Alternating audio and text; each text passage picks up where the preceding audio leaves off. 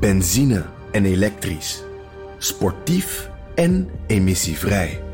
In een Audi plug-in hybride vindt u het allemaal. Ervaar de A6, Q5, Q7 en Q8 standaard met quattro vierwielaandrijving. Wat u ook zoekt, u vindt het in een Audi. Audi. Voorsprong door techniek.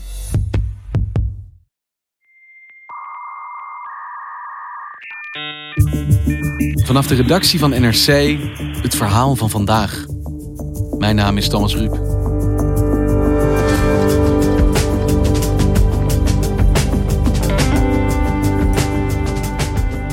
Access for All was een van de eerste Nederlandse internetproviders. Het internet was nog een belofte. En met Access for All achter je naam stond je voor vrijheid, openheid, gelijkheid. Toen bekend werd dat deze provider zou stoppen, ging verslaggever Freek Schravenzande op zoek naar de eerste generatie internetgebruikers. Wat is er terechtgekomen van hun idealen?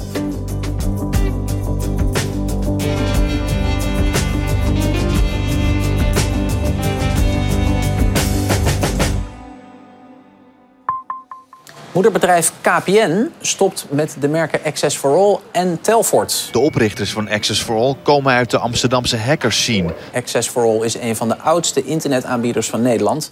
En die merken gaan nu verder onder KPN-vlag.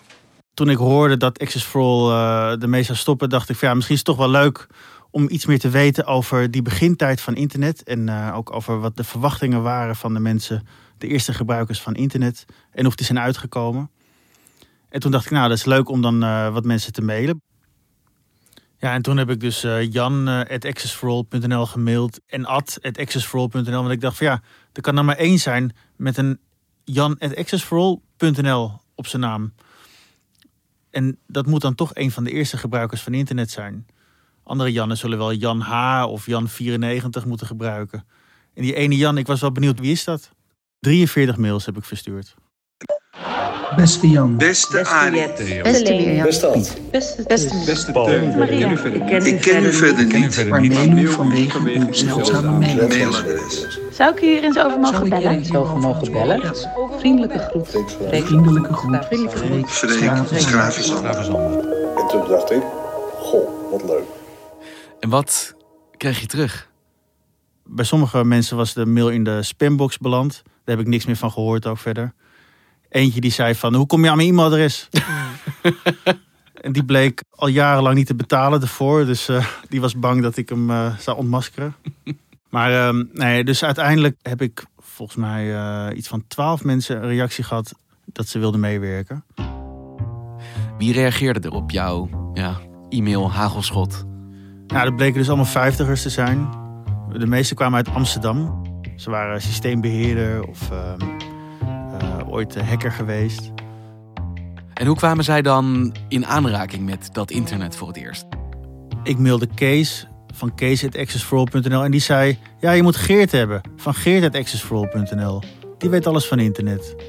Mijn eerste computergebruik was in 84. In 87 had ik een eigen PC. En in 90 had ik ook een laptop en een modem. Pas veel later kreeg ik uh, het e-mailadres geert.hectic.nl. Hij was uh, deel van de Amsterdamse krakersgemeenschap. Uh, dat waren allemaal ja, activisten, kunstenaars, journalisten zaten erbij. Die waren in de jaren 80 geïnteresseerd geraakt in computers. En zij hadden een conferentie georganiseerd in de zomer van 89. En die heette de Galactic Hackers Party. Galactic Hacker Party is de naam voor deze eerste internationale bijeenkomst van computerkrakers. Uit Amerika, Frankrijk en Duitsland, waar een hobby inmiddels voor een belangrijk deel verboden is, kwamen ze naar Amsterdam, waar het allemaal nog wel mag. En Geert Lovink liep daar als uh, begin dertiger rond in Paradiso. Tussen de kabels en, uh, en, de, en, en, de computers en de nerds en de geeks... die er allemaal uh, ja, hun eigen computer hadden meegenomen. Nog zo'n groot grijs bakbeest. En uh, hij kan zich nog herinneren dat iedereen daar demonstraties gaf. En daar ergens vond hij internet. Ja, ergens aan de zijkant. Ik weet nog vrij goed. Uh, dat, en dat was natuurlijk gewoon een terminal. Hè? Ja. Ik bedoel, het was een terminal die uh, aangesloten was op de Watergraafsmeer. Via een PTT-lijn. Ja, meer was het niet. Naast allerlei andere terminals Die heten PeaceNet of GreenNet of HCCNet. Een soort concurrenten van internet?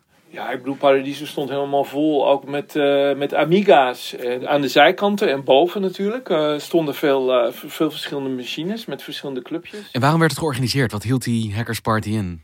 Ja, ze wilden nadenken over hoe je met computernetwerken dingen te weten kan komen die overheden op dat moment niet aan jou zouden laten weten. Ik sprak ook Caroline Nevian en zij had die conferentie georganiseerd.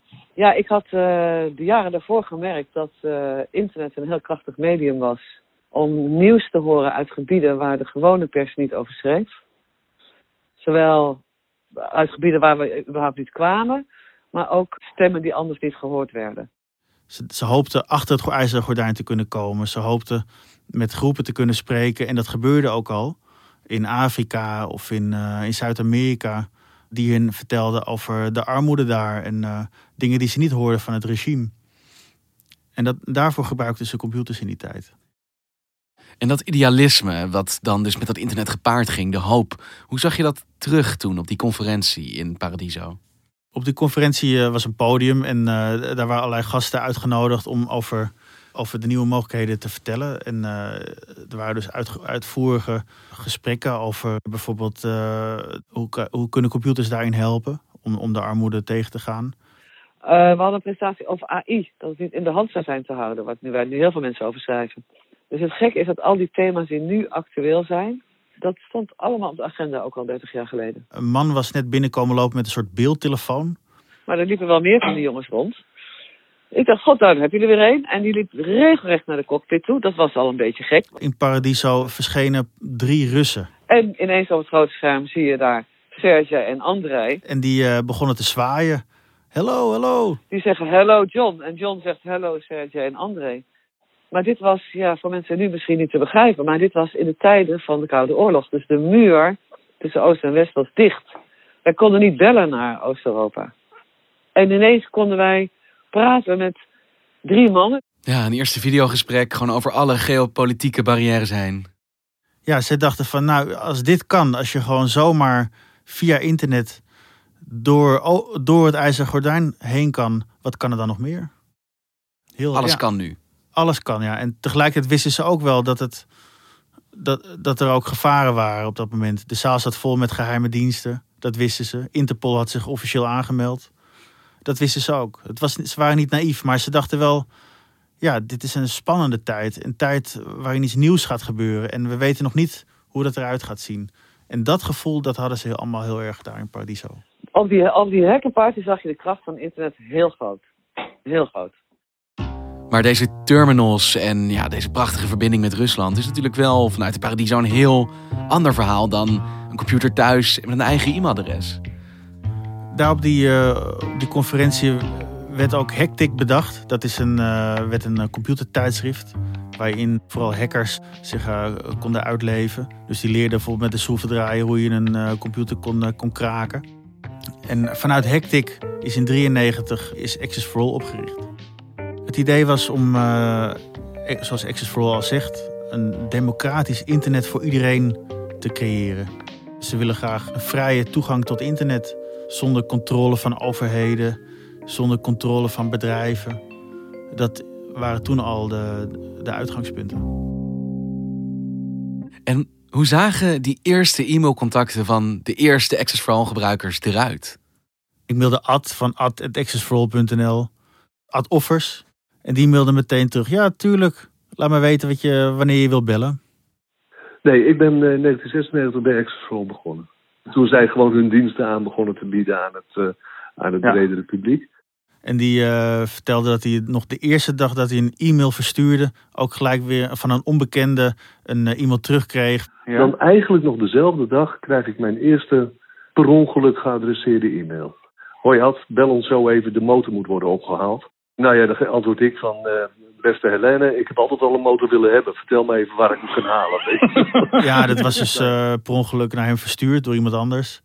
Hè, want met mijn e-mailadres krijg je heel veel, trouwens tegenwoordig veel minder, maar vooral in het begin, heel Ja. veel e-mail die, die gewoon niet voor mij bedoeld is.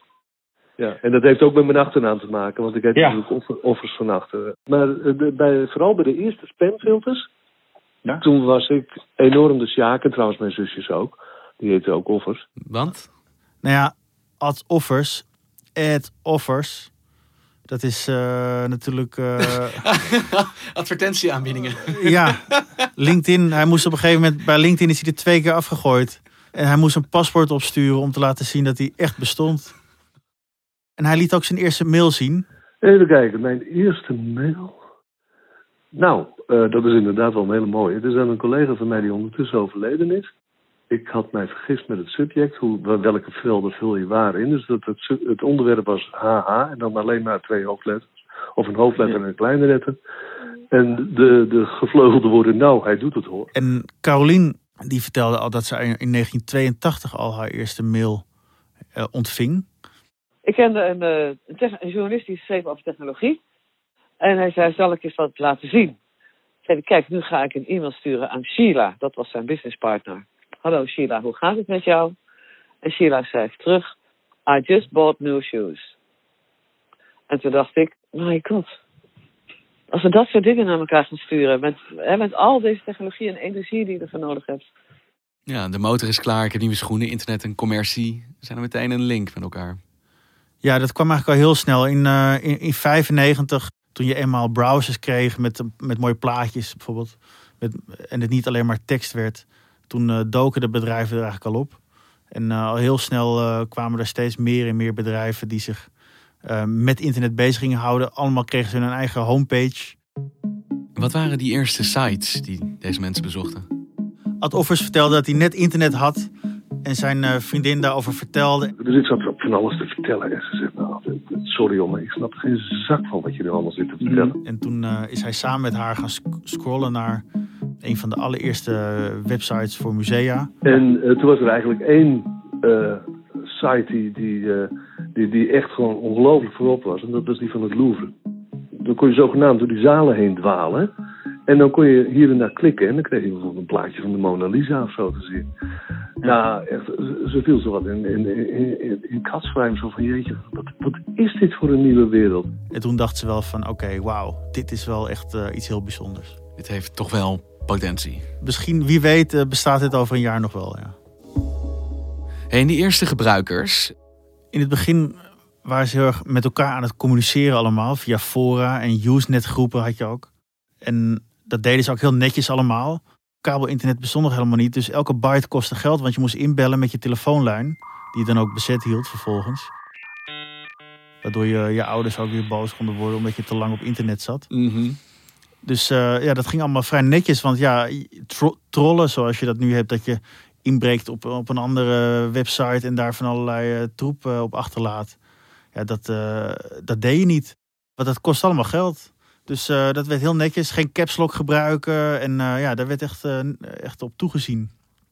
Netiketten heette dat. Goedenavond en welkom bij Ik heb al een boek. Laten we vanavond eens beginnen met cybertalks, compulingo en netiquette. Taalgebruik en eh, zeden in het tijdperk van de computer. Dat is eh, dit boekje. Ik eh, weet daar buitengewoon weinig van af. Dus ik ga samen met u even ingespannen zitten kijken naar Henk Rijks. Een hele basis eh, eh, fout die door veel beginners wordt gemaakt. Het is als je typt in hoofdletters. Dat staat gelijk aan dat je iets schreeuwt in plaats van dat je iets normaal zegt. Dit is een voorbeeld van netiquette. Dus het zijn zeg maar de, de, de fatsoensregels waar je eh, aan moet houden als je op de elektronische snelweg wat gaat doen, bijvoorbeeld e-mailen. Nou, dus dat vrijheidsideaal wat je ook in Paradiso al zag, dat bleef wel in stand. Ook de gewone dagelijkse gebruikers van, eh, van internet. die niet bij die Paradiso-conferentie aanwezig waren. die hadden toch ook allemaal wel ideeën over dat vrije communicatie iets zou kunnen veranderen. Dat dat regimes omver zou kunnen werpen. Omdat je kon weten wat er zich in Zuid-Amerika precies afspeelde. Omdat ook hackers toegang hadden of konden krijgen bij allerlei soorten bedrijven. En konden zien wat er, wat er zich afspeelde achter de gesloten deuren. En eigenlijk kwam er pas een einde aan met 9-11. Ja, 9-11 was natuurlijk gewoon de ultieme bevestiging. Een enorm moment van bewustzijn dat, eh, dat internet gewoon niet alleen een veilige plek is. Ja. Maar, uh, maar daarvoor een beetje inderdaad Shiny Happy People. En daarna was het oh fuck, we leven in een uh, tamelijk, uh, nou ja, gevaarlijke wereld. Van de ene op, op de andere dag verdwenen ze van internet. Ze gingen allemaal naar het dark web. Ze gingen allemaal ondergronds, omdat ze bang waren terecht dat overheden meelazen. Dus die gedachte van met dat internet kunnen wij overheden controleren, die bleek ook andersom te werken. Overheden konden ook via dat internet juist jou controleren. Precies. Het ging helemaal de, de andere kant op dan, dan sommige mensen hadden verwacht. Overal in, in, de hele wereld zagen mensen dat, dat overheden de controle overnamen van internet. En sommigen hadden nog wel een soort hoop in bedrijven dat die misschien iets anders zouden kunnen doen. Zo'n Apple van Steve Jobs. Maar ja, dat ging ook helemaal de andere kant op. Al die bedrijven bleken ook allemaal uh, mensen te willen controleren, hun data te willen zien, te willen manipuleren. En uh, ja, dat, dat uh, werd alleen nog maar erger. De, de, de oude instituties waren landen. Ja. Uh, maar de nieuwe instituties zijn, zijn, zijn techbedrijven. Die, die, die, nou ja, die, die stonden. ja, wij zijn het product. Je was informatie geworden in plaats van dat je zelf zender was van informatie. Jij bent het product en ja, wat heeft dat nog te maken met de idealen die, die, die, ze, die ze hadden om met elkaar een betere wereld te krijgen? En is dat dan een soort gemeenschappelijke deler van de mensen van het eerste uur? Dat zij het gevoel hebben dat van die belofte, die potentie van het internet eigenlijk niks terechtgekomen is? Ik kwam er eigenlijk pas halverwege, halverwege achter dat dat de belangrijkste, dat was eigenlijk de ontdekking. Bijna alle mensen die ik erover sprak, die waren toch op een bepaalde manier teleurgesteld. Ze waren teleurgesteld in de, het idee van democratie. Ze zagen dat controle de overhand had genomen. En ze waren ook teleurgesteld in het idee dat internet ook echt iets kon veranderen in de samenleving. Maar Freek, mijn hart breekt er wel een klein beetje van als ik denk aan die Paradiso in 89. Al die hoopvolle, optimistische gezichten en die verbinding die dan met de Russen wordt gelegd dwars door het ijzeren gordijn. Nou, sommigen zijn best wel blij met hoe het internet uh, nu is. Bedenk aan, denk aan hoe je met iedereen nu kan communiceren. Dat hadden ze nooit verwacht. En tegelijkertijd, ik sprak een neef Jan en die zei dat ze nog onderzoek had gedaan in 2006 naar hoe die verbinding tussen Paradiso en die Russen eigenlijk tot stand kwam. En toen kwam ze erachter dat de KGB en de CIA waarschijnlijk ook hadden meegeluisterd. En pas 17 jaar later dacht ik, dat was toch die beeldtelefoon met Rusland? En toen Ja. ben ik terug gaan zoeken en toen heb ik het uitgevonden dat het dus eigenlijk een initiatief is wat door de CIA en de KGB samen is gerund. En dat gefinancierd was door George Soros. Echt onthutsend. Toen al. Toen al was het wel duidelijk dat het niet helemaal eh kosher was. Het internet. Dus dat is gewoon vanaf het begin eigenlijk aan de gang geweest. We zijn altijd kansloos geweest. Nou, kansloos. Er zijn ook best mensen optimistisch, omdat er gewoon heel veel ook nog verandert er. En dat internet nog niet af is, zoals je dat kan zeggen. Het is nog in ontwikkeling. Ja. En dat was ook in, de- in de jaren tachtig ook al bedacht door een man op het podium in, eh, in Paradiso. Een man van in de tachtig. Het was een of andere eh, ouderwetse uh, internetgoeroe. En die pakte een bekertje en hij had een pijp. En hij, hij blies rook met de pijp in dat bekertje. Een plastic bekertje, doorzichtig. En hij hield het op zijn kop op het podium. En het duurde minuten totdat de rook tot stilstand kwam. En hij zei van ja, soms duurt het langer en krijg je chaos. In elke ontwikkeling heb je dat. Maar op een gegeven moment vindt een systeem wel zijn balans en dan, eh, dan is het oké. En zij zeggen van bij internet moet die balans zich nog eh, ontwikkelen. Maar hij zal gevonden worden. En dat betekent dat we nu nog in een, in een soort transitiefase zitten. En eh, met chaos en, en toestanden en controle van overheden. Maar uiteindelijk zullen er ook, eh, ja, zal dat ook wel weer veranderen. De rook van ons internet is nog niet tot stilstand gekomen. Precies, de rook draait nog eh, rondjes in het bekertje. Maar dit is wel het einde van die eerste generatie e-mailadressen dan. Van jan.accessforall.nl, geert.accessforall.nl. Als de merknaam Access dus nu toch verdwijnt. Gelukkig voor de eerste gebruikers kwam er eh, in februari het nieuws dat eh, Access for All als naam toch blijft bestaan. En ze daardoor toch hun e-mailadres mogen behouden. Dankjewel, Freek. Ja, graag gedaan.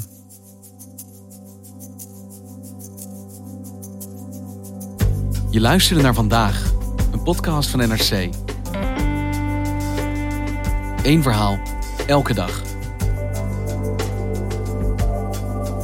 Dit was vandaag, morgen weer.